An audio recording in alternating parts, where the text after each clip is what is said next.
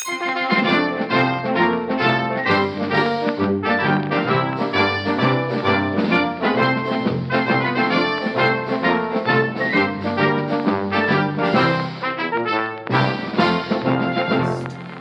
er zoomet ud. Eller er zonet, zonet ud. Fabian er zoomet ud. Mærkeligt. det var simpelthen der, hvor du siger, bare stik din finger ned i din gin tonic. Jeg har klippet det sammen på en måde, så det er rimelig uh, so me. Eller so me. Me too, mener jeg. Jo, jeg vidste godt, hvad du mente. Ja. Jeg, Jeg forstod ingenting. Oh my god. super instavenlig kommentar at komme med. Jeg elsker de sociale medier sådan noget. Åh, det er dumt. Velkommen til Voksenskolen. Mit navn er Fabian Petersen, og jeg har den store ære at sidde på skolebænken med mine klassekammerater Louise Hansen Hej, hej. og Sys Bjerre. What? Den kom ikke. Voksenskolen er en podcast, hvor vi sætter os tilbage på skolebænken og lærer forfra. Og så er vi tilbage fra frikvarteret og er til time igen. Hvad lavede I ude i skolegården? Sys, hvad lavede du i skolegården? Nu har jeg lavet min EP færdig. What? I dag. EP er en Fem nummer. fem nummer. Ja. Okay. Nu er vi la- lavet det Tillykke. færdigt. Tillykke. Det, Det det er blevet- del med spændende. Så godt. Jeg er meget glad. Nu skal det til mix og master. Ja. Men altså, nu bliver det jo også jul, så det kommer ikke ud lige nu. Nå, vi når det ikke til julehandlen. Nej, ej, det gør vi simpelthen ikke. Julehandlen. Det tager lige lidt tid. At få kommer det. ikke til at lægge nogen sys EP'er under træet i Nej. år. Åh. Ja. Nå, fedt. Men det var jo øh, dejligt. Hvad var det sidste, du øh, skulle lave på den? Jeg lavede lige en vokal om, som var endt med at lyde lidt anderledes end de andre. Mm. Af en eller anden optagmæssig grund. Er det sådan, man går tilbage nu og tænker sådan, oh shit, det første, vi optog, lyder dårligere nu, end det sidste, vi Ja, optog? der var noget, der var fordi- anderledes i hvert fald i lyden. Okay. Med, øhm, det var egentlig den samme mikrofon, så det er lidt mærkeligt. Men vi optog det bare igen. Okay. I'm a one-take kind of girl. Oh, yeah. Almost. Men faktisk. En, vi, vi endte faktisk med at bruge et take. et helt take. Nice. Ja, det var fedt. Ej, hvor er det fedt. Og du Ja, havde din søster med i studiet godt. også? Ja, hun var i sin kor. Fedt. Det var sjovt. Det er... Og så skal jeg spille en julekoncert i Danmarks Radio på søndag, Ja. som jeg går og øver til, fordi at det gik op for mig, at jeg faktisk ikke kunne de der salmer så godt. Nå. Mit hjerte altid vanker. Husker I denne? Nej. Nej, det gjorde jeg heller ikke. Det er derfor, jeg øvede mig. og nogle andre sange, jeg også skal synge. Og så det bliver dejligt, og så skal jeg jo til Aarhus og lave et juleoratorie. Så... Jule hvad? Juleoratorie. Hvad er det? Det er et korværk, som Michael Bøjesen har skrevet til Odense Symfoniorkester, som nu skal opføres i Aarhus. Og der er det mig, og så er det en bariton, der har øh, ja, nogle roller i det. Og så et kæmpe kor, og et andet kæmpe kor, og et symfoniorkester. Var det noget af det, I lavede i Odense dengang? Det var det, vi lavede i Odense i 14, ja. Det er Fedt, præcis det det, samme. virkelig godt. Men det er 100 år siden, så det kan jeg jo heller ikke huske. Så det skal jeg så i gang med at øve. Lige så snart jeg er færdig med at lave Danmarks Radio. Ah. Ting. Spændende. Så du er ved at komme ind i julestemningen? Jeg er helt ved at komme ind i den. Ja. Hvad med dig? I har pyntet meget op i jeres hus. Der er kommet et juletræ op, og der er kommet en del julepynt. Uh, mange er stadig på et uh, lys på juletræet, fordi det har jeg sagt, det venter vi lige med. Vi må lige sætte en pause på nogle ting, lige sætte en break på nogle ting. Det er fandme også tidligt at få et træ ind nu. Ja, det er det. Det når at tage alle Men altså, det nåle. her afsnit kommer vel ikke ud, før det er december. Nej, det er rigtigt. Nej. Det er faktisk december Så det er lige nu, faktisk- Det er faktisk den 2. december i dag. Perfekt timing, du har sat Alt træet efter, ind. hvornår man hører det, selvfølgelig. Ja, jeg har sat Nå ja, træet ind. så- Selvfølgelig har jeg- hører man det mandag. Jeg har også lige spillet øh, det er julen ind Ja, i går. Så. hvordan var det? Ja, det var rigtig godt. I Okay. dag er jeg i øh, legatudvalgsmøde med DPA og Koda. Wow. Godt, jeg kunne komme her alligevel. Det er fandme heldigt. Dårligt. Okay, videre. Ja, hvad med dig, Louise? Øh, jamen, øh, jeg har jo gjort mig selv psykisk syg Ja.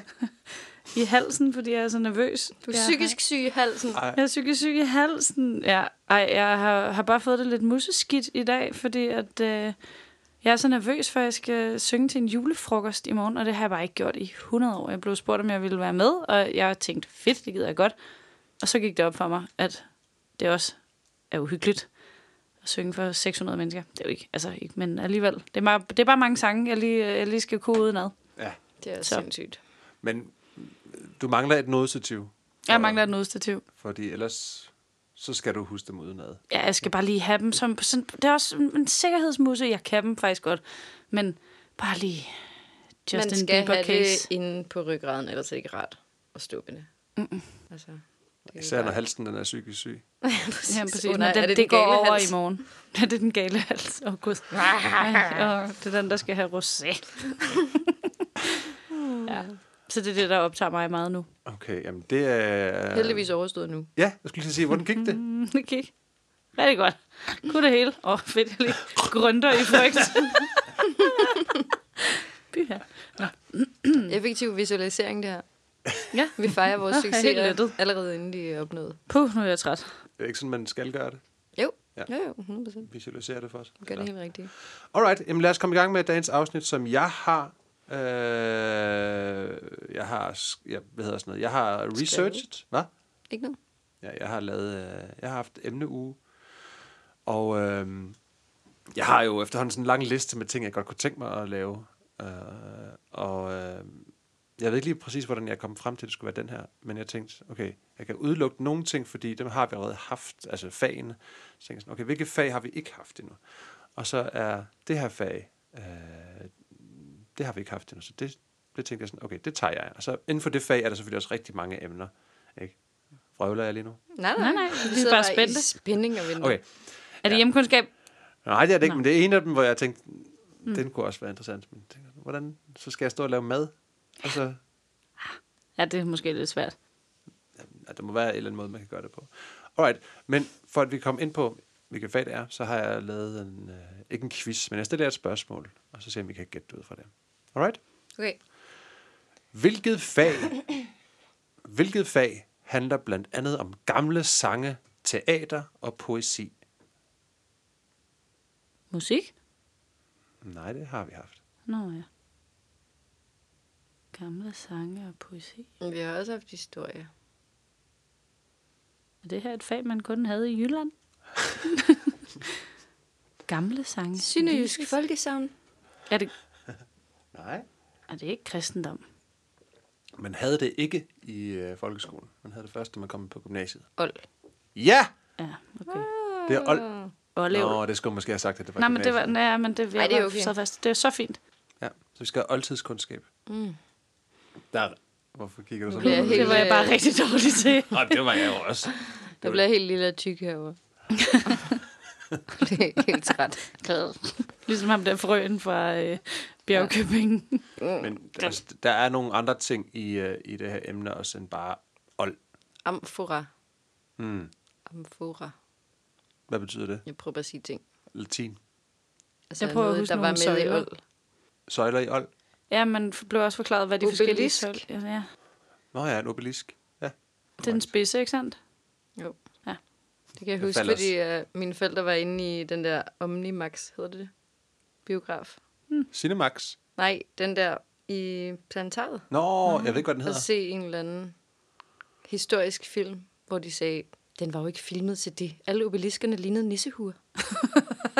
Den var ikke Sagde din filmet mor til det? Nej, altså fordi at det var en almindelig... Nå, jeg tror det var filmet øh, film, narrator. Det var din mor, der Nej, nej, sagde det det. var mine forældre. Det var, det var deres anmeldelse. Det er sjovt. Den var ikke filmet til en Nå, men kuppel. til dem, der ikke har været derinde, Den var ikke filmet til at blive dome. vist på en kuppel. Det var i hvert fald deres vurdering. Okay. Jamen, det er spændende, Fabian. Ja, Not. det er fedt. Nej, det mener jeg ikke. Ej, jeg har dårlige erfaringer med oldtidskundskab i gymnasiet. Jeg synes virkelig, det var tungt. Men jeg glæder Det var mig meget tungt. til at blive undervist i det her dig. Det var også virkelig tungt. Det er stadig rigtig, rigtig tungt, men jeg har jo sådan prøvet at, at skære det ned til noget, der kunne være interessant, fordi der var der er mange ting i oldtidskundskab, der er virkelig tungt og kedeligt.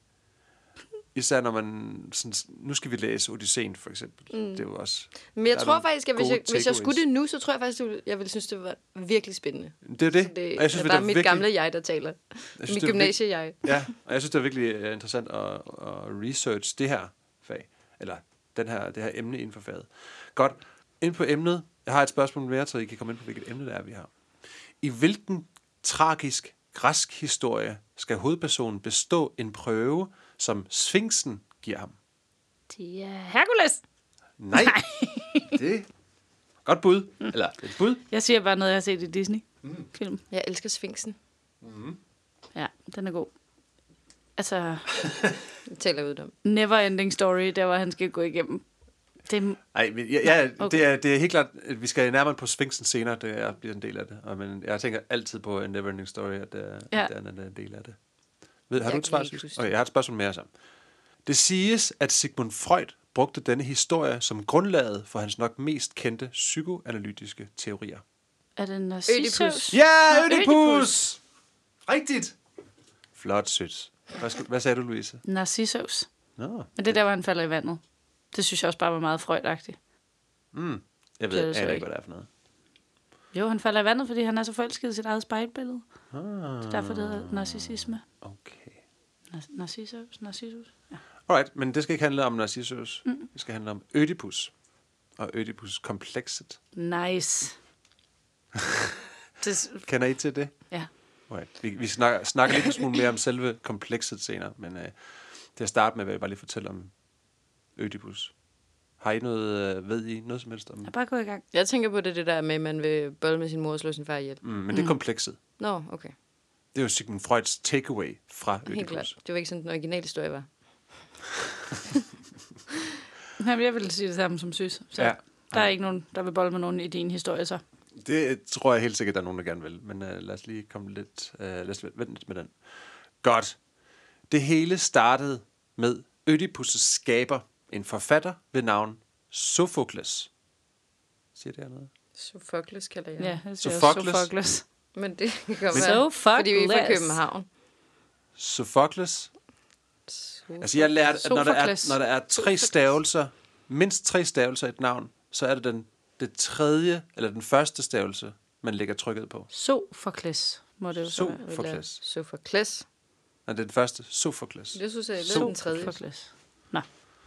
Okay, vi kalder ham Jeg bliver bare virkelig i tvivl, og jeg har spurgt Sophokles. Google, hvordan man udtaler det. Men hun kommer op med alle mulige... Øh, øh, Helsinki. ja, sådan nogle ting, hvor vi hvordan polakker, der udtaler, og det kan jeg ikke rigtig bruge det til noget. Nej. Nå. Selv hvis I ikke kender Sophokles, så kender I ham. For sammen med de andre græske tragediedigtere har han lagt grundlaget for den hele vestlige teatertradition, og har til med været en guldmine for de humanistiske discipliner, som for eksempel filosofi og psykologi. Men det her afsnit skal ikke handle alt for meget om filosofi eller psy- psykologi, men mere om historien om Ødipus og hans skaber. Lad os starte med at se på, hvordan Sophokles blev en celeb i det antikke Grækenland. For dengang, længe før sociale medier og X-Factor, så måtte man ty til andre metoder for at blive et kendt ansigt. Men før vi skal se på det, så får I lige hurtigt en intro til Sophokles, og nu har jeg forkortet hans navn herefter. Okay. Fordi det, jeg Til Soph. Det er Sofo, ja. Mm. Sofo var søn af en smed, der fremstillede rustninger til de athenske krigere, og dermed blev en meget rig mand.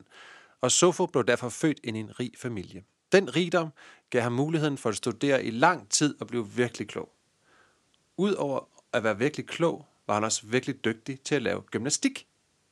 Og hvis det ikke allerede var nok, så var han også en konventionelt smuk græsk mand. Mm. En triple threat, triple threat. Jeg tror, han er også faktisk mere end en triple threat. Jeg læste også, at han var øh, virkelig god politisk. Hvis man kan være sådan noget god til En politik. triple threat er det, at Hvis man du er. har tre, altså hvis du ser virkelig godt ud, Mhm. mm-hmm. og du er virkelig god til gymnastik, for eksempel, som han mm-hmm. er, og han er også Du har også klog. Ja, også klog, og og måske sindssygt kreativ, Ja, det er meget. og han måske har en stor arm. Ja, En stor arm. en stor arm. Fordi han også var meget musikalsk og god til at skrive teater, så fik han jobbet til at skrive teaterstykket om Athenernes sejr over perserne, da han var 16 år. Han var dog knap så god til at synge, hvilket gjorde ham en lille smule mere likable. Er det noget, du siger? Eller? Ja, det er noget, jeg siger. Okay. Okay. Altså, man, når man kan så mange ting, og har så mange penge på kontoen, Og det er faktisk en trøst for mig, kan jeg mærke. Jeg, det lettede faktisk for mig. Og sådan, Nå, det er det, hvis det går dårligt i morgen, så er jeg bare meget mere likeable. ja, altså, hvis, hvis, Ja, du kan jo også rigtig mange andre ting, end bare at se godt ud. Nå, det er sødt sagt. Undskyld, jeg forstyrrede det også bare med mit eget ego. Og det er helt okay, det optager dig meget for tiden. Det er helt cool. Ikke mit ego, men det jeg skal i morgen. Det er, som du skal i forgårs. True. Godt. Yes. der er en ting, han ikke kan finde ud af, og det er at synge, heldigvis. Hmm. Til gengæld ved han godt selv, at han ikke er så god til at synge. Så han får andre til det, og fokuserer i stedet på at instruere og skrive.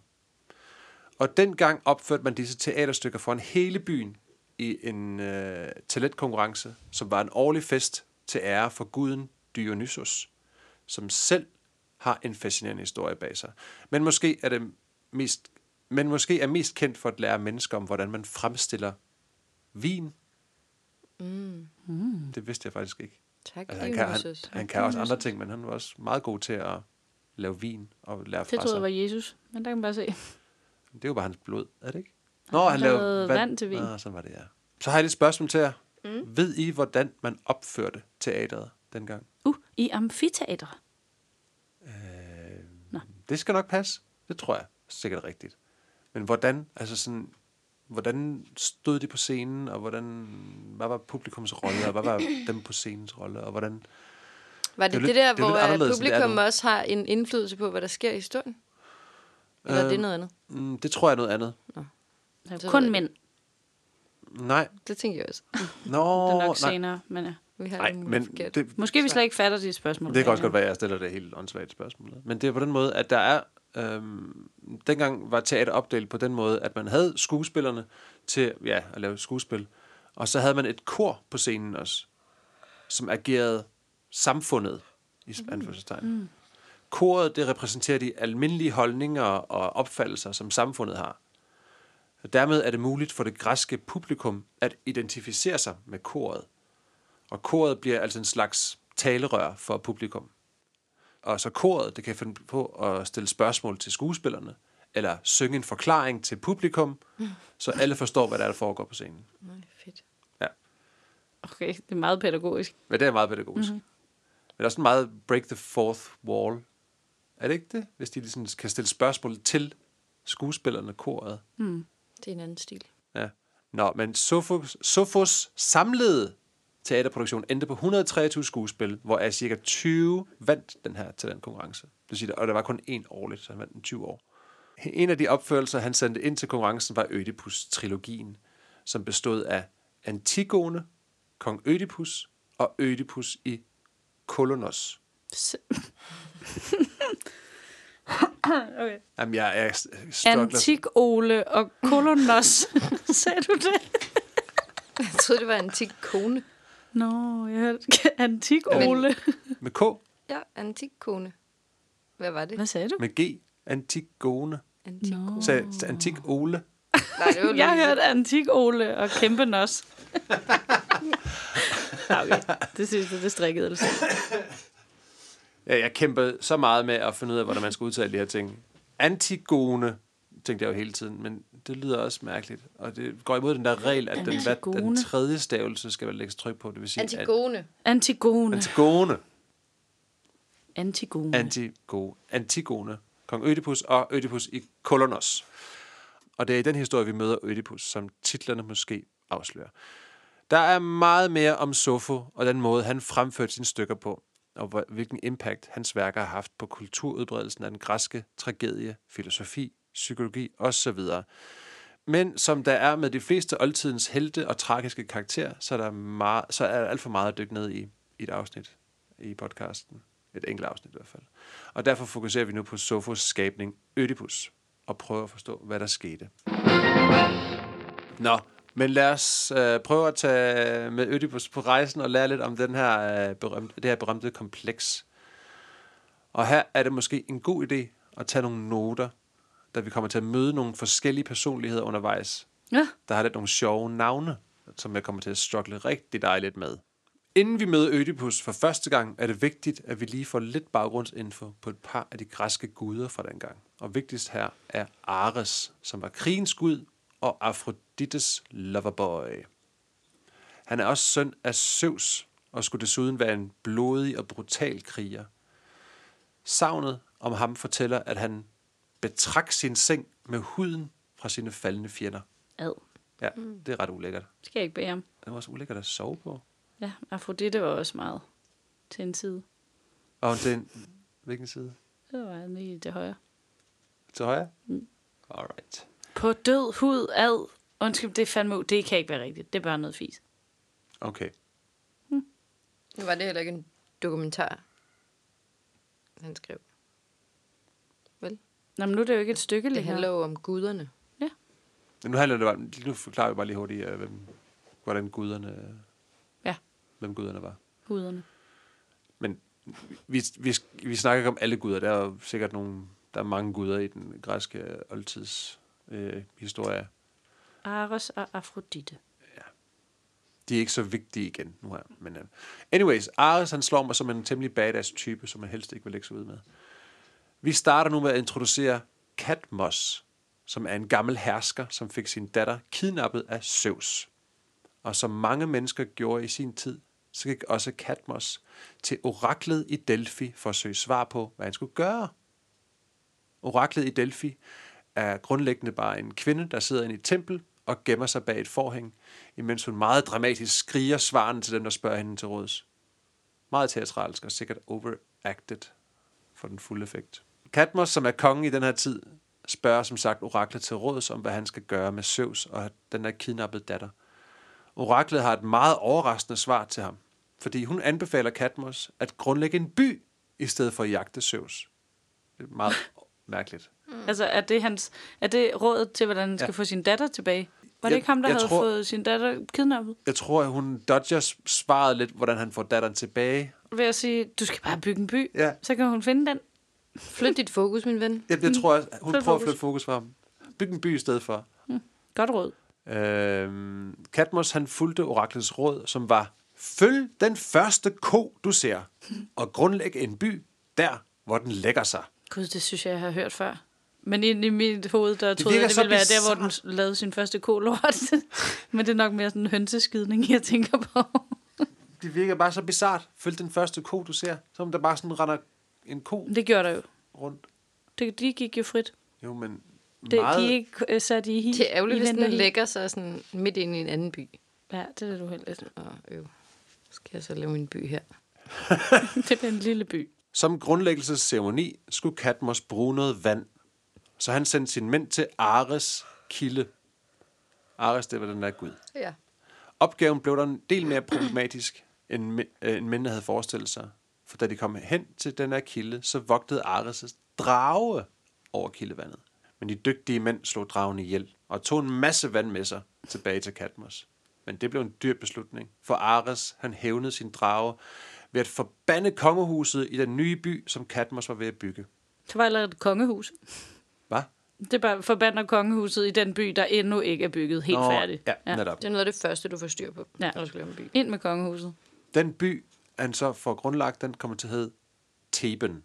Tror jeg udtaler det rigtigt. Med TH til at starte med. Theben. Theben. Ikke Theben. Theben. Nej, man siger jo ikke Thailand.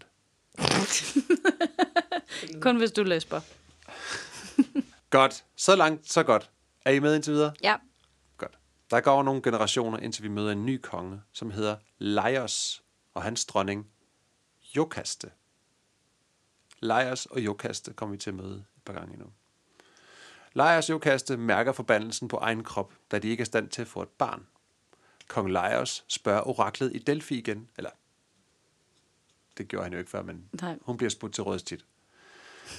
Og hun svarer, at opfyldelsen af hans højeste ønske godt kan lade sig gøre, men det har altså en ret stor pris. Hvis konge og dronning får en søn, så vil den søn slå sin far ihjel og gifte sig med sin mor. What? Nej. så kommer vi til det. Og de er jo pænt skræmte over den udmelding. Det skal dog ikke stoppe dem fra at have sex, og så sker der det, det der måske. Moren bliver gravid og føder en søn. De panikker temmelig meget nu, da de er ret sikre på, at oraklets spådom er rigtig. Så kong Laios gør det, som enhver fornuftig far vil gøre. Han gennemborer knægtens hale med nogle pinde og giver ham til en hyrde Hans hale. Hvad? Hans hæle ja. med pinde med pinde. og giver ham til en hyrde. Ja. Altså, er det, hvad for noget? Han laver huller i sin søns hale med nogle Men metalpinde, bronzepinde. Altså, bliver de hængende, de pinde, eller laver han bare huller? Jeg tror, han bare laver huller. Hvorfor gør han det? Kunne han ikke bare give ham til en hyrde? Nå, det er så, han kan kende ham. Ja, det er så, han Undskyld, kan men kende jeg ham bliver nødt senere. til at, at stille et grundlæggende spørgsmål. Altså, er vi ved at høre historien Ødipus. i tragedien? Nu hører vi... Den øh, tredelte historie om ja. Ødipus. Ja. Det her, det er noget Sofo har skrevet. Det er noget, Sofo har skrevet. Okay. Nå, jeg troede faktisk, at vi var ude i rigtigheden. Nå, okay, men Nå, nej, har- det her, det er, Sofu har taget mange stoffer. det er faktisk, ja, det er rigtigt. Det er Ja. godt, det er godt, at lige er øh, sådan lige klarlægger det. Det virker dumt ikke bare at dræbe sin søn, selvom det også er lidt hårdt. Det er i hvert fald også lidt hårdt at bore hul i hælen og give ham til en hyrde, ikke? Jo. Men ja, okay. Nå. Nå, Lad os høre, hvad der sker. Ja, netop. Hyrden han bliver befalet til at lægge knægten med de opsvulmede fødder, der er navnet Ødipus, som betyder opsvulmede fødder, Nå. på et bjerg, så de vilde dyr kan æde ham. Nå, Hyrden får dog sjovt nok pænt meget ondt af det stakkels barn, og giver ham i stedet videre til en anden hyrde, som så giver knægten videre til et andet kongepar, som levede i byen Korinth. Det er meget vigtigt, de her to byer, Theben og Korinth, det er sådan de to byer, som vi kommer til at befinde os i i den her historie. Det kongepar havde heller ikke nogen børn, så de vil enormt gerne have det her barn, som hyrden kom med. hvor gammel er det her barn nu? Jamen, det er baby. Det er en lille baby med hul i. Ja. Det er jo Men en det er dreng. jo også bare så åndssvagt at sende den ud i verden, fordi så er der jo så meget, desto mere chance for, at den kommer hjem og ikke ved, hvem dens mor er. Mm. Og på det tidspunkt, hvor den er blevet voksen, så er aldersforskellen jo ikke så vigtig, vel? Og så er det, man kommer til at være sammen med sin mor. Mm. altså, det er bare mu- much more likely, Ja, hvis du ikke bliver hjemme. Ja. Og hele tiden er sammen med din mor. Ja. Så er det svært at forestille sig, at man har tænkt sig at gifte sig med sin mor. Ja, nå, fortsæt endelig. Jamen, det er jo fordi, han skulle slå faren ihjel, siger spot om. Mm. Og det vil han jo helst ikke have, det skulle ske. Kongen i hvert fald. Men det er bare nemmere at holde styr på ham, hvis han er derhjemme. Ja, åh, men ikke når du sover. Han kunne også have boret hul i ham og bundet ham fast i gulvet. Nå, det, Men han vil jo gerne... det råd kan vi jo ikke give i retrospekt. Han Så. er ret fucked ham faren, ikke? Altså, det vilde dyr skal æde ham, og så laver de et lille hul, så de lige kan blive tiltrukket. Nå ja, det er selvfølgelig derfor. Lugten af blod. Ja. Det, nu er han så hos de her nye kongepar, og det skulle blive Ødipus, Ødipus' forældre fra denne dag. På den måde så bliver Ødipus prinsen i Korinth. Kongen og hans nye far hedder Polybus, og hans mor, eller den nye mor og dronning hedder Merope. Merope. Og Mm. Merope. det vil, der vil jeg også lægge den, men altså, den her... Nettet fortæller mig, at det er den Ja, men første Jeg stavelse. tror, ja, men Vi kan godt sige Merope det lyder bare mere romantisk. Mm. Merope. og Polybos. Polybos. Polybos. Nå, pyt. Godt. Da Ødipus bliver voksen, fortæller en temmelig beruset mand ham, at han ikke er retmæssig søn af de mennesker, som han kalder for sine forældre. Og fordi man altid skal lytte til fulde folk, så beslutter Ødipus sig for at undersøge den påstand, og spørger derfor oraklet i Delphi til råds. Han får det samme svar, som hans biologiske far, kong Laios, tidligere havde fået. Hans skæbne er at slå sin far ihjel og gifte sig med sin mor. Ødipus kan kun forstå svaret sådan, at han på et tidspunkt vil slå Polybos ihjel og gifte sig med Merope, mm. da han ser dem som sine forældre, og ikke kender til sine biologiske forældre. For at undgå dette tager han derfor ikke hjem til Korinth fra Delphi, men vandrer i stedet i retning af Theben, som var den by, han blev født i. På samme tid er kong Laios på vej til Delphi for at spørge oraklet til råds om noget. Andet. Og de to mænd møder hinanden ved den korsvej, der krydser vejen fra Theben til Delphi. Kongen kræver, at Ødipus giver ham plads til at komme forbi på vejen. Men det vil han ikke. Så Ødipus får et kæmpe anfald af road rage, og det kommer til et drabeligt slagsmål, hvor Ødipus, intet anende om kongens og hans livvagters identitet, slår kong Laios ihjel. Derefter flygter han videre mod Theben. Er I med? Ja, Ja. en meget smal vej, var. Ja. Der var en sti. Uden for Thebens byporte, som på dette tidspunkt er ramt af en frygtelig pestsygdom, møder Ø... Byporten er ramt af pest, eller hvad? Ej, ja, det læste jeg på den måde, ja. Don't touch. det er sådan et sted for nymalet. Sådan en nypestet. Det skal du ikke røre. Fy for helvede. Er byporten og dens by er ramt af frygtelig pest. Her møder Ødipus en sphinx, der lige siden at kongen blev slået ihjel, har holdt indbyggerne i byen indespærret. Det kan da ikke været så længe så. Hvad? Det kan da ikke have været så længe så. Kan man på, hvor langt væk han var, da han mødte? Det var lige ved Korsvejen. Det ligger cirka 500 meter. Nej. Ved I, hvordan en uh, sphinx ser ud? Ja. Ja, fedt, jeg nikker. Det kan man ikke opdage. Man kan godt lige bare sige ja. ja. Det ved vi godt. Bare fortsæt. fortæl mig, hvordan en sphinx ser ud. En løve med et menneskeansigt. Den har også bryster. Den har også bryster, ja. Ja. Og løvekrop, Ja. kvindehoved mm. og ørnevinger. Og han har også vinger. Der ikke? Mm. Har den også det i, øh, i øh, Tilbage til fremtiden, skulle jeg The sige? Neverending Story? Ja. Mm, nej, der tror jeg faktisk bare, den har bryster. Men i The Neverending Story, der er det jo ikke en rigtig sphinx. Den har jo ikke Den har ikke løvekrop. løvekrop. Det er jo bare Nej, det er bare minder os bare om det. Men det er jo den, den har den samme En funktion. statue. Ild ud af øjnene. Ja, ja. ja. En straf. Det ligner ikke en almindelig sphinx. Mm. Nej, det er en kusine. Pyt. Igen. I den græske mytologi er sfinksen et væsen med kvindehoved, bryster, løvkrop og ørnevinger, som blev sendt for at straffe befolkningen i Theben, som havde pisset guderne af. Sfinksen åd alle, som ikke kunne løse hendes gåde.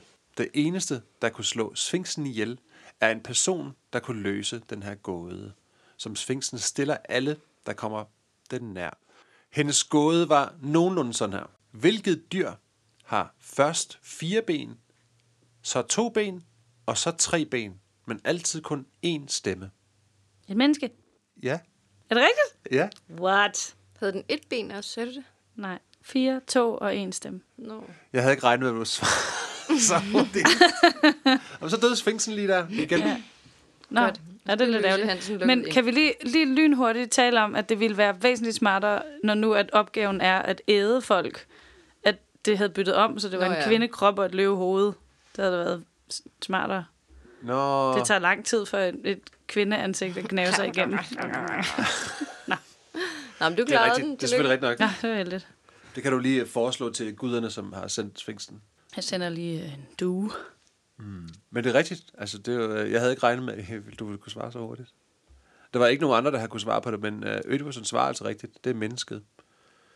Og det er, når man... Øh, fire, kan du forklare, hvorfor det er mennesket? Når du er barn, så kravler du, Ja, og så rejser du dig. ja. Har du Men to? du har stadig kun én stemme. Ja, men hvad med den tre? Hvad var den tredje? Nå, var det fordi, man står for en stok, eller? Ja. Når du bliver gammel, så går du med stok. ja. Jamen, jeg svarede, inden jeg hørte det med tre ben, tror jeg. Men ja, Altså, nu, skrev jeg også spørgsmålet på sådan lidt mere behendig måde, fordi den måde, som hun... du skal ikke Ellers- tage sejren fra mig, Fabian. Nå, nej, nej, overhovedet ikke det, men jeg kunne ikke selv forstå spørgsmålet, som den måde, Nå, det det, blev kringlet. skrevet på. Ja, det er virkelig kringlet skrevet. Um, og øh, yes, han svarer rigtigt, det er mennesket, og sfinksen styrter sig selv ned i afgrunden. Der er også nogen, der mener, eller nogen, nogle steder diskuterer folk, om den hopper ned i afgrunden, eller om den begynder at spise sig selv. Meget mærkeligt. Også tidskrævende. Ja. Men dramatisk begge dele.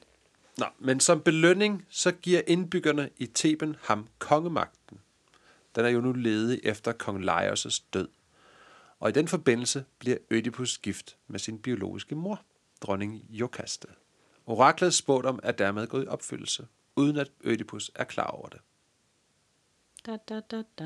Så nu er hans øh, biologiske far død, og han er giftet sig med sin biologiske mor. Sammen får de fire børn. Ad. Som alle sammen blev lidt underlige. Så, yeah. Som alle sammen ikke ville kunne løse den gåde. Det er en meget øh, pæn måde at sige det på. Kørte i den korte bus til skole. Pigerne Antigone, Ismene og drengene, nu bliver det svært, Polyneikes, Polyneikes og Eteokles. Det er slutningen af forhistorien, det her, og setup'et til Ødipus' rejse. Og herefter starter et nyt teaterstykke, som hedder Kong Ødipus. Det er nummer to. Ja. Ud af tre. Ja. Nej, Nå. det her, som vi har læst indtil videre, det blev overhovedet ikke øh, fremført. Det var bare, Nå. det var bare øh, Det blev forhistorien. Det Det blev var fortalt. Nu starter selve teaterstykket. Holy shit. Okay, så der har nu på scenen stået en og fortalt det her. Jeg ved ikke præcis, hvordan det er blevet uh, Det kommunikeret. er smart. Ud. Det er jo svært at lave det der med sfinksen, når man ikke har nogen special effects. Oh, ja. Godt, så starter vi på uh, Kong Ødipus. Tragedien Kong Ødipus foregår mange år efter Ødipus er blevet konge. Han har sammen med Jokaste, som er hans biologiske mor, fået to sønner og to døtre. Og dermed faktisk også fået fire søskende. Ja. Ad. Igen. Der er igen udbrudt pest i byen, hvor mange mennesker er syge og dør. Folket kommer nu til Ødipus for at finde hjælp, og det er blevet Ødipus opgave som konge at finde ud af grunden til, at der er udbrudt pest, og få pesten fjernet. Det er den her opgave, der er tragediens omdrejningspunkt. Ødipus beder Jokastes bror, Kreon, om at søge råd hos oraklet i Delphi. Kreon kommer tilbage med svaret fra oraklet og siger, at pesten kun kan fjernes, hvis Ødipus finder synderen, der har myrdet kong Laios, den tidligere konge i Theben, og Ødipus' rigtige far.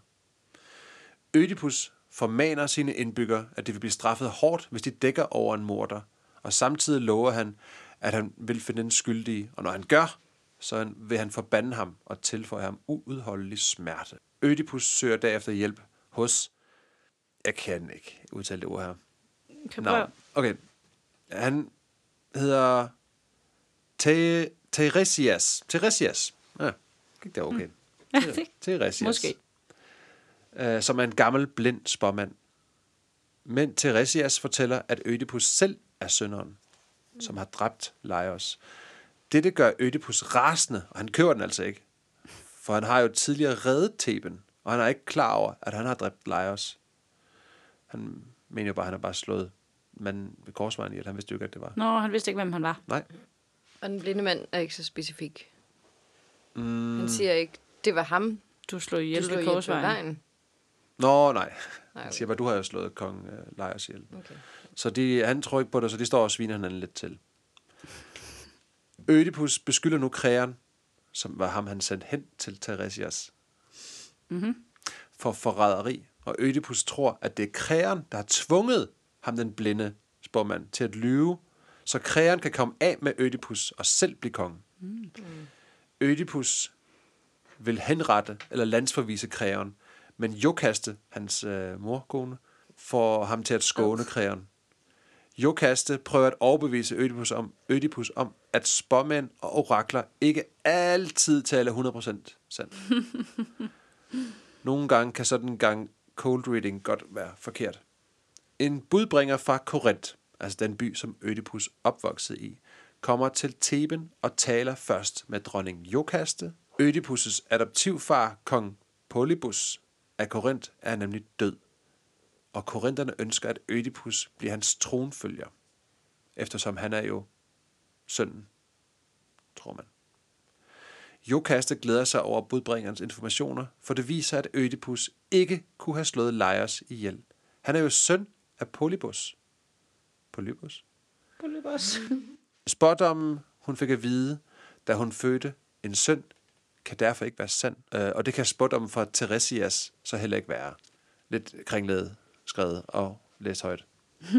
Det, jeg forstod det godt. Men Ødipus er bange for at vende hjem til Korinth. Han er bange for guderne, og det svar, han fik fra oraklet dengang, selvom hans far nu er død. Så han smalltalker en lille smule med øh, det her bud, den her, som gang var en hyrde, og erfarer, at det er det samme bud, som, han, som fik ham overleveret som baby dengang. Det Igen Ja, ja. læser det mærkeligt Det op. giver mening. Men vi Ja. forstår. Ja, og han kunne kende ham fra, fra de her smadrede fødder, som han rendte rundt med. Ødipus vil til bunds i den her sag og siger til sin morkone, at han må finde ud af, hvad alt det her går ud på og må rejse. Men Jokaste, morkonen, bliver sur og vil ikke have, han skal rejse. Han skal bare droppe det nu. Hun vælger derefter at afsløre det hele. Afslører hun det hele? Uh, hun afslører det hele, hele det svar, som hun har fået, da hun uh, spurgte mm. Oraklet, oraklet fra Delphi, mm. uh, dengang, uh, inden han blev født. Hun siger endda, at oraklet uh, kunne fortælle præcis, hvor kongen skulle dø i det der vejkryds. Mm. Men i stedet for at berolige Ødipus, så gør den her fortælling ham faktisk endnu mere urolig. Fordi han har jo myrdet, for Ja, han har jo myrdet en mand ved et Ja. vejkryds.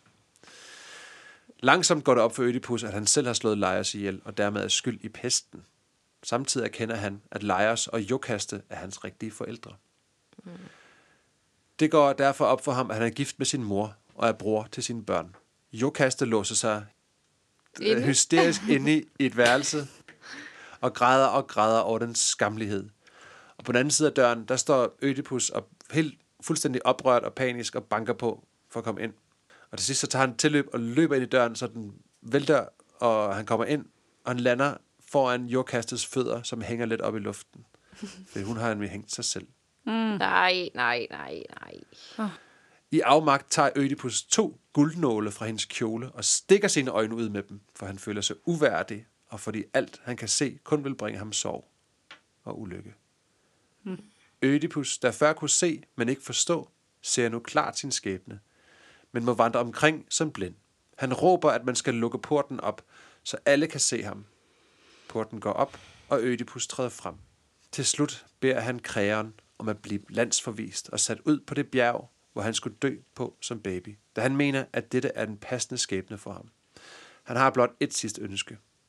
Ødipus vil gerne røre sine døtre, Antigone og Ismene, en sidste gang. Som om det ikke var klamt nok i forvejen. Han er ligeglad med sin sønner, åbenbart. Ja, det var jeg ligeglad med, ja. Brorfar. Til slut så håber Ødipus, at krægeren vil tage sig af døtrene, på trods af deres ophav. Ødipus landsforvises efter sin egen vilje, og krægeren sender ham derfor bort. Han forlader landet, blind, fattig og uden sine børn, som skrigende og grædende må lade ham, må lade ham forlade landet og byen. Omvendt, byen og landet hedder det vel. Og der slutter øh, teaterstykket. Han Var det det forlader- hele? Alle tre dele? Øh, nej, men det er Ødipus' historie. Okay. Så er der, så er der en, en fortælling mere, hvor vi, hvor, hvor vi snakker om Antigone og hans søster og, hans, og de fire børn. Hvordan, hvad, der, hvad der sker med dem. Det er ikke så vigtigt i forhold til Ødipus-komplekset, men der er, der, han har lavet et stykke, teaterstykke mere, hvor de, hvor de en brødrene bekriger hinanden, hvem skal være kongen, så en Nå, så der er lige en sequel. Der er lige en sequel, hvor... Er det en klassiker, når det går godt, ikke? Jo. Jo, så er der Stopper lige... man ikke, mens lejen er god. Nej. Men det ligger, altså den historie har jeg ikke hørt før nogensinde på den måde der. Og det, så synes jeg det er faktisk, det er lidt frægt, at Freud han sådan på den måde, når det var så ubevidst. Ja, Ikke? men, men Frækt det er af jo Freud. det Ødipus-kompleks, lige for, skal nok komme ind på det lidt, mm-hmm. men det er jo ubevidst. Alt, hvad der foregår, er ubevidst. Jo, jo, klart, det- men det der, det er sådan ekstra. Jo. Ja, men det, var, det er jo Ødipus-historien. Tak, det var spændende. Det var meget spændende. Altså, det er ret vildt, at der er så mange twists and turns. Så er det klart, man skal have sådan en kor til at forklare folk, hvad fanden der Ja, det foregår. kan jeg faktisk godt forstå. Altså, Det er lidt ligesom den her podcast. Så kunne vi godt begynde sådan bare at synge sådan, det Fabian mener nu er... åh, jeg blev helt tør i munden. Jeg skal lige have lidt tår vand. Ej, det var også godt gået. Så var... Det er ret vildt at skrive, at, han er, at man kan lave sådan noget fuldstændig crazy. Men jeg er også lidt skuffet over, at det teaterstykke, Ødipus-komplekset, er oprundet af. Mm. Det er muligvis ikke noget, man kan Oprundet. sige. Der skal man jo huske at adskille øh, kunsten fra kunstneren. Okay. Så man ikke går ind og dømmer Sofu, bare fordi han har nogle lidt lagt ud tanker. Altså, Går det er ikke, der igen? siger, at det er Sofus, at Sofo har prøvet det her på egen krop. Nej, præcis. Det er derfor, vi, der er vi gode til at adskille kunsten fra kunstneren, men ja. det er vi jo ikke altid. Nej. Der er der Nå. masser af folk, der har syntes, at øh, alle mulige folk, der har skrevet bøger om klamme, ulækre ting, mm. er sådan, okay, de må også være lidt ulækre Det må være selv, så. vanvittigt. Men jeg synes mere, det er skørt, at Freud han tager det som værende sådan, ja, det er det, vi tager. Og det er teaterstykker, det er ikke bare, det er ikke engang et savn. Nej. Altså, det er bare sådan ligesom at læse et Anders Sandblad og være sådan, nå, det er ligesom Anders Sand kom- komplekset. altså, Hvad er det? Anders Sand-kompleks? jamen, det kan for eksempel være For eksempel? enormt vrede. Nå ja. Ja, nå, det er Anders Sand komplekset. Igen. Men han slår aldrig nogen. Ah, men han råber meget af sine børn, ikke? Han slår der nogen helt vildt tit. Gør det? Ja, der Anders er Sand? så mange af de der, øh, hvor de kommer op og slås og ruller rundt. Nå, ja, det er nogle, rigtigt. Nå, det er mest med højben. Ja. Ja, og alle mulige andre. Men Ja, ved du, om de Sand-komplekset. slår hinanden i hovedet, eller de bare prøver Det kan man jo ikke se. Nej, der er en masse stjerner. Ja. og Men der står boink og Au! ja, whack. Rigtig tit whack. Nå, men det er Anders Sand komplekset. Ødipus-komplekset er noget andet. Ud fra den her græske myte om Ødipus indfører Sigmund Freud udtrykket Ødipus-komplekset i psykoanalysen i begyndelsen af 1900-tallet. Ødipus-komplekset er ifølge Freud, at øh, børn i børnehavealderen udvikler følelser af kærlighed og seksuel lyst i forhold til forældrene af, eller forældren af det modsatte køn. Forældren. Forældren... Forældre, der er ikke noget, en forælder hvad, hedder det så? Det er jo ikke begge to. til den til den forælder. Forældre. forældren. Forældren. Forældren. Forældren. Moren eller faren? Altså, jeg har skrevet forældren, og, og der, er ikke nogen rød, der, er, der er ikke noget rød streg under i... Forældren. Ja. Jamen, altså, det er jo nok bare nogen, der har forældet noget. Så. Nå ja, det er rigtigt. Alright. Sønnen har for eksempel et ønske om at have moren for sig selv. Faren bliver så en rival, som sønnen kan føle had til, fordi faren også vil eje moren. Det medfører en stærk psykisk konflikt, et kompleks, inde i barnet, som jo ikke kan få det, som han vil. Barnet bliver frustreret og frygter samtidig, at faren vil straffe ham. Og grunden til, at Freud kalder det her for et øh, kompleks, altså Ødipus-komplekset, er, at øh, Ødipus jo slår sin far ihjel og gifter, med, gifter sig med sin mor. Og symbolsk fortolket kan det netop forstås som et udtryk for at elske moren og hade faren. Ligesom Ødipus ikke er bevidst om situationen, er Ødipus-komplekset også ubevidst for barnet. Det er ubevidste psykiske kræfter, der gør, at barnet får seksuelle lyster. Seksuelle, se det, siger det forkert? Seksuelle. Seksuelle lyster. Seksuelle Du er lyster. meget fokuseret på at lægge trykket på første stavelse lige nu generelt. Jeg er helt forvirret med det her græsk, og så Ej, synes, dansk er også. Nu er det bare dansk. Seksuel. Seksuelle. Seksuelle. Det er, ja, tag den her sætning en gang til. Det er ubevidste psykiske kræfter, der gør, at barnet får seksuelle lyster over for sin mor og oplever sin far som en konkurrent. I tragedien fører konflikten til stor ulykke for Ødipus. Sådan kan det også gå for det barn, som ikke får løst Ødipuskomplekset i barndommen. Det kan nemlig ifølge Freud senere i livet føre til udvikling af personlighedsforstyrrelser og psykiske sygdomme. En voksen mand, som sidder fast i Ødipuskomplekset, kan typisk ikke løsrive sig fra sin elskede mor og kan ikke falde til ro i sin rolle som mand. Komplekset optræder også i den ødipale fase i Freuds psykoseksuelle faser. Men mere om det lidt. Gav det mening noget af det, jeg lige læste op for jer? Psykoseksuelle. Ja. Psykoseksuel. ja, det gør det. Det går meget godt med de her udtalelser.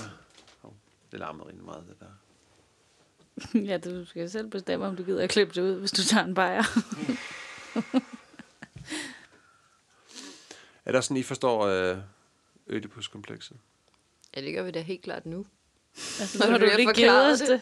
Nu er den gratis. Ja. Det er jo meget rigtigt. Altså, jeg, jeg vidste jo udmærket no, eller udmærket jeg vidste nogenlunde, hvad Ødipus-komplekset var. Mm. Det der, man ikke havde... Man, man havde et eller andet fucked up forhold til sin... Eller jeg havde et fucked up forhold til min mor, for eksempel. Ikke? Altså, jeg har ikke Du, et fucked up nej, forhold du siger det lidt, som om det er en sandhed, men det er fint, at du har taget det her op for at få det ud. Ellers så kunne du ende i Anders Sand-fasen. Men Nå, jeg, vidste, det, men jeg troede, det komplekse i det også var, at der stadigvæk, stadig, stadigvæk er kærlighed til faren. Det troede jeg også var en del af det, der var komplekst ja. i det. At du er nødt til at skubbe din far væk, selvom at du selvfølgelig elsker ham, men det er så mere det, man udvikler had. Det er da jo meget ubehageligt. Ja, det, det, ja, den vidste jeg heller ikke rigtigt, den der. For eksempel, hvis du, du vil gerne være sammen med din far. Nej, altså, en tænkt situation for Ja, ja, ja. Ikke? Men det er da bare meget på spidsen. Ja, hør hvad du siger. Ja, men, og så vil du, Skub min mor af pinden. ja, Ja, og hun skal bare pikke af. ja men, men du er også lidt bange for, at hun straffer dig, fordi hun er jo den voksne. Ja. Nå, deri. Ja. Hmm. ja, så er du også bange for straffen. Nå, Nå. Stakkels børn. Og den ødipale fase, hvad, hvor gamle er børn, når de er Det kommer, i vi, det kommer vi til senere. Okay. Der er jo en, øh, nogen, der har- mener, der er en løsning på øh, Ødipus-komplekset. Og den bedste, Terapi. den bedste løsning på konflikten er, og jeg elsker det her, det er, at drengen giver afkald på ønsket om at eje moren. Fedt. Hmm. Den bedste bare løsning er at holde op Ja. med det. Lad være med det. Hvad med det? Og du skal lade være med at se din far som rival. Nå, Og det er en Ah, hvor godt du siger det. Godnat. og jamen, det er simpelthen dumt. I stedet så begynder barnet, altså hvis det nu er det er en dreng, at identificere sig med faren, og dermed finde sig til rette i sin kønsrolle. Det, når det gælder piger, så bruger man nogle gange et begreb, der hedder elektrakomplekset. Har I, dem, har I hørt om det? Nej. Mm, jeg har hørt det, men jeg kan simpelthen ikke huske noget som Nej. helst om det. Men Elektra? Der er rigtig mange folk, der også mener, det er noget vås. Men, men basic er det det samme som Ødipus-komplekset, bare omvendt. Altså det vil sige, pigen elsker sin far og opfatter sin mor som en rival. Mm. Begrebet Ødipus-kompleks er kontroversielt i nutidens psykologiske videnskab, hvor en del folk tvivler på, om Freud overhovedet har ret i sin hypotese. Der er mange forskellige meninger om det her, og det har sagt med været svært for mig at finde, eller at forstå alle de her forskellige udlæg om psykoanalysen omkring Oedipus-komplekset. Holy smokes, det er Altså, jeg voksensprog. er virkelig, virkelig interesseret i at høre, hvor gamle børnene er i den ødipale fase. Ja, jamen, det kommer vi til, Louise. Jamen, det er fordi, jeg synes, det ville være nemmere at snakke om. Ja. ja, det, ja, ja, ja. Fordi lige nu er jeg lidt i tvivl om, om barnet er 4 år gammelt, 8 år gammelt eller 13 år gammelt. Mm. Men det kan godt tage den nu så. Ja, det var en bestilling. Freuds psykoseksuelle faser. Psykoseksuelle. Psykoseksuelle. Ødipuskompleks optræder, øh, som sagt, i øh, Freuds psykoseksuelle faser. Psykoseksuelle faser er de perioder, som menneskets barndom ifølge Freud kan inddeles i. Barnets seksualitet drejer sig om en række bestemte kropsområder, skulle jeg sige kropsåbninger. Ad. Krops, Igen. Har jeg sagt ad så mange gange i dag. krop, øh, det, som vi som voksne mennesker bliver stimuleret af, vores genitalier, genitalier, så øh, det bliver børn ikke. Så de får en lystfølelse af noget andet i stedet for. Og Freud mener, at det kan inddeles i de her faser. Kender I nogle af de faserne? Den orale fase, den anale fase, Ja, ja. så løber jeg tør. Det var også det er rigtigt, de første to faser. Den første er den orale fase. Aldersperioden er mellem 0 og 18 måneder. Det er den første orale fase. Ved I, hvad en orale fase er for noget? Der, hvor man smager og putter alting i munden. Ja. Den kommer igen senere hen i livet. Men hvorfor gør det det? Prøv at tænke i munden. For smage og mærke og lære om ting. Ja, altså, der, de kan jo ikke så meget andet, vel? Mm. Og de, øh, det er den tidligste form for lyst og tilfredsstillelse, som knytter sig til mund, læber og tunge. I den her fase er barnet hjælpeløst og derfor afhængig af sin mors omsorg og pleje. Hvis barnet får det, den har brug for, så vil det lære, at verden er god og tryg. Hvis barnet ikke får nok fysisk eller psykisk omsorg, så vil det være fastlåst i sin orale tilfredsstillelsesformer igennem livet og hunger efter kærlighed. Altså, de Det er Freud, Prøv- der siger det her, eller hvad? Ja, det er Freuds. Øh, det er den første, det er den orale fase. Vi er gået ud af en tangent i old, men jeg kan godt lide det. Ja, vi bevæger os en, lidt væk fra det nu. Ja. Men nu har vi, Nu psykologi. nu har vi lært om old. Okay. Ja, nu er lidt mere noget psykologi, ja.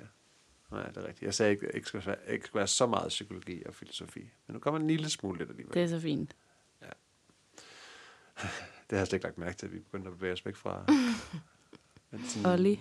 2.000, 2-3.000 år længere frem, og hvor lang tid det nu er siden. Så kommer den anale fase, imellem 18 måneder og 3 år. Og hvad er den anale fase, synes? Nummi. Ja, jeg ved godt, hvad, Nej. jeg ved godt, hvad, men hvad, hvad, hvad, hvorfor hedder den anale fase? Det ved jeg ikke. Ved du det, Louise? Hmm, Jeg er faktisk lidt i tvivl. Jeg bør vide det. Jeg er uddannet pædagog. Nå. God. I den her fase er det endetarmsåbningen og afføring af det, som forbindes med lyst og interesse. Mm. Kontrol over endetarmens lukkemuskel udvikles i den her periode. Barnet lærer i den her periode at gå, tale og sætte sin vilje igennem. Jegets dannelse er i fuld gang, og barnet udvikler selvstændighed. Det er en anale fase, hvor man bare piller sig i røven. Og kaster med sin egen afføring. Hmm, sikkert nok. Der sker rimelig mange klamme ting i, i, øh, i vuggestuen. Ja, jeg tror på dig.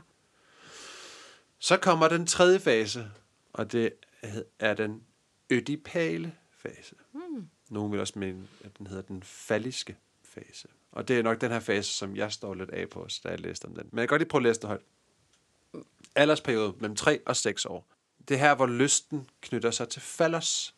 Hos drengen penis og hos pigen klitoris. Det personlighedsdannende i denne fase er Ødipus-komplekset. Den ødipale situation beskrives som et trekantsdrama, hvor drengens seksuelle ønsker er rettet mod moren, og pigens er mod faren. Drengen opfatter sin far som rival, men samtidig angst for farens hævn. Af frygt for, at faren skal straffe ham ved at destruere det sensitive organ, altså at kastrere ham, bevarer han ønsket om at være ligesom sin far og hans værdier. Det resulterer i en dannelse af overjeget. For pigen er den ødipale fase endnu mere kompliceret. Ligesom drengen har den lille pige oprindeligt begæret og idealiseret moren. Pigen opdager, at hun ikke har en penis, ligesom sin far. og udvikler, og udvikler en fantasi om, at hun er blevet kastreret af moren. What? Dette leder vrede mod moren, og, Anders Sandfasen.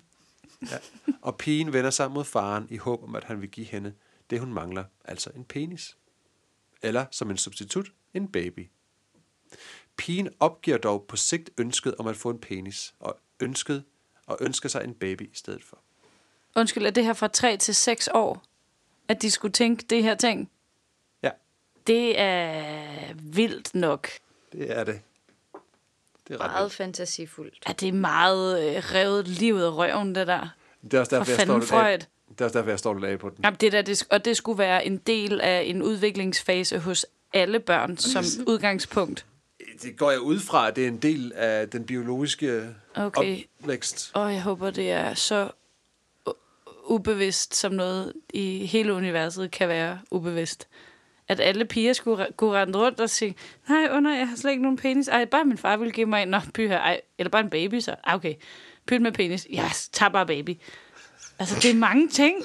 Det lyder, som noget sludder. Ja, det lyder så Ja. ja. vrøvlificeret, det der. Jamen, det gør det. Så jeg har taget min vrede arme på. Kan du se det? Jeg kan godt se, at du sidder ja. meget vredt. Det kunne man godt have stillet lidt mere spørgsmålstegn ved, synes jeg. Det er der rigtig mange, der gør.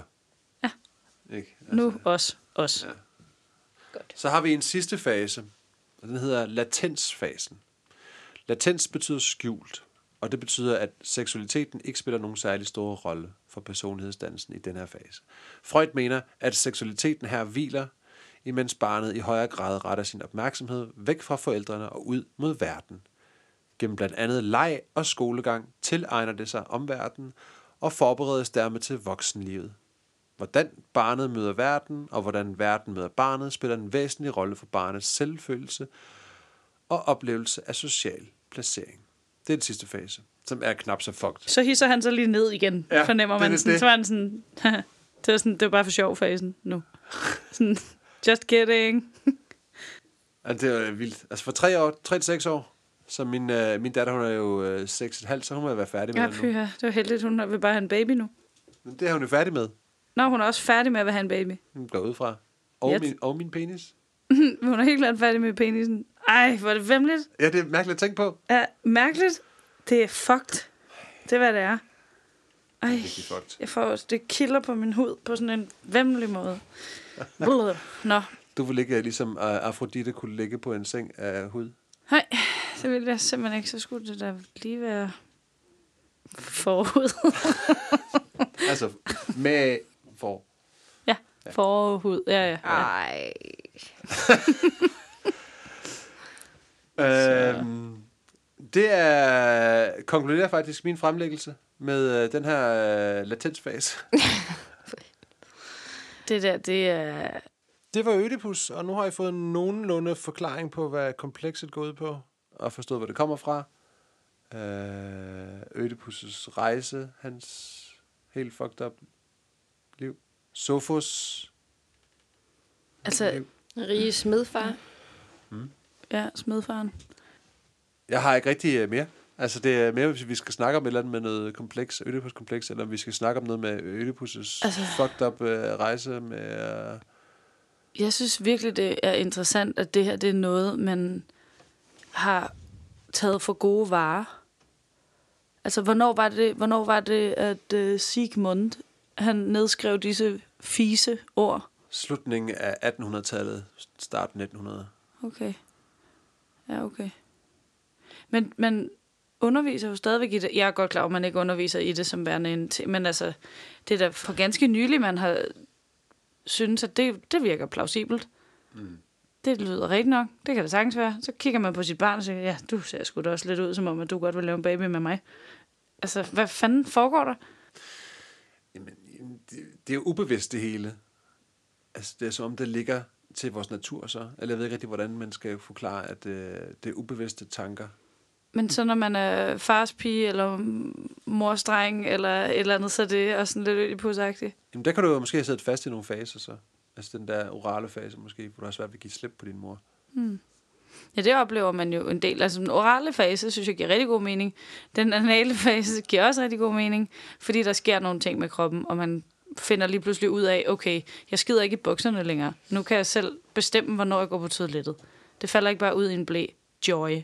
Det er en stor glæde og succes i ens barndom. Men så springer du direkte fra at være glad for at have en lukkemuskel til bare at vil, altså, lave babyer med din far. Jeg synes, det er så loko.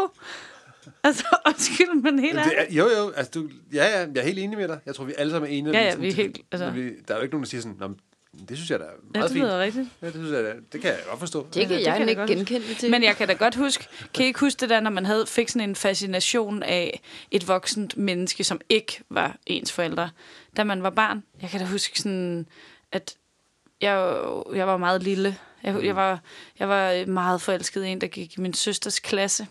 Mm. Ja, og jeg har sådan et meget, meget klart billede af at have været til fest, sådan en eller anden skolefest over i Lysemose i Majbo, hvor øh, HC, som han hed, hvor jeg render rundt med ham i tommelfingeren, ja. og på et tidspunkt hopper jeg op på et bord. Jeg har ikke været særlig gammel, hun gik i folkeskolen, og jeg er otte år yngre. Det kan jeg jo ikke regne ud, det er nogen, der lige må klare for mig.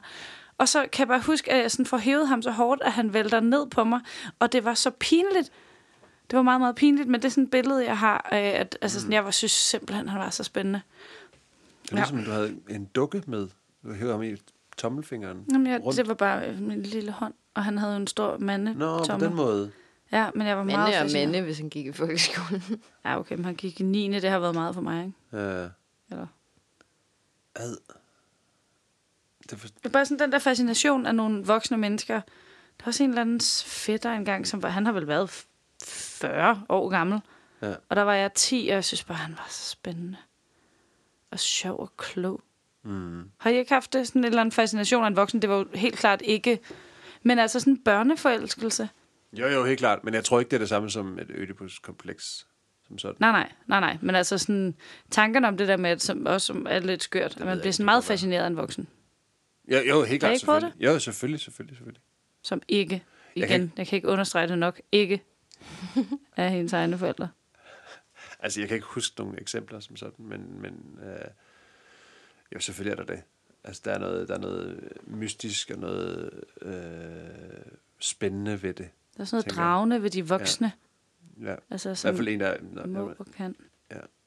og jeg ved ikke, om det er, om det er noget med, at man gør, at man sidder fast i en af de her faser, måske. I don't know. Men det kan det godt Jeg er hele tiden til at sige, at, at det, jeg mest kommer til at tænke på, når du siger det der, det er, hvor meget jeg har været forelsket i tegneseriefigurer. Men det går op for mig nu, det var Anders Sand-komplekset. Yeah! Nej, okay, ja. Det er Anders Sand Fordi det giver jo ikke nogen Nå, mening. det, det jeg var er. forelsket i reven fra Robin Hood, altså det vil sige Robin Jamen, han Hood, var ikke? også... Ja. Reven, den var jo sygt lækker. Mm-hmm.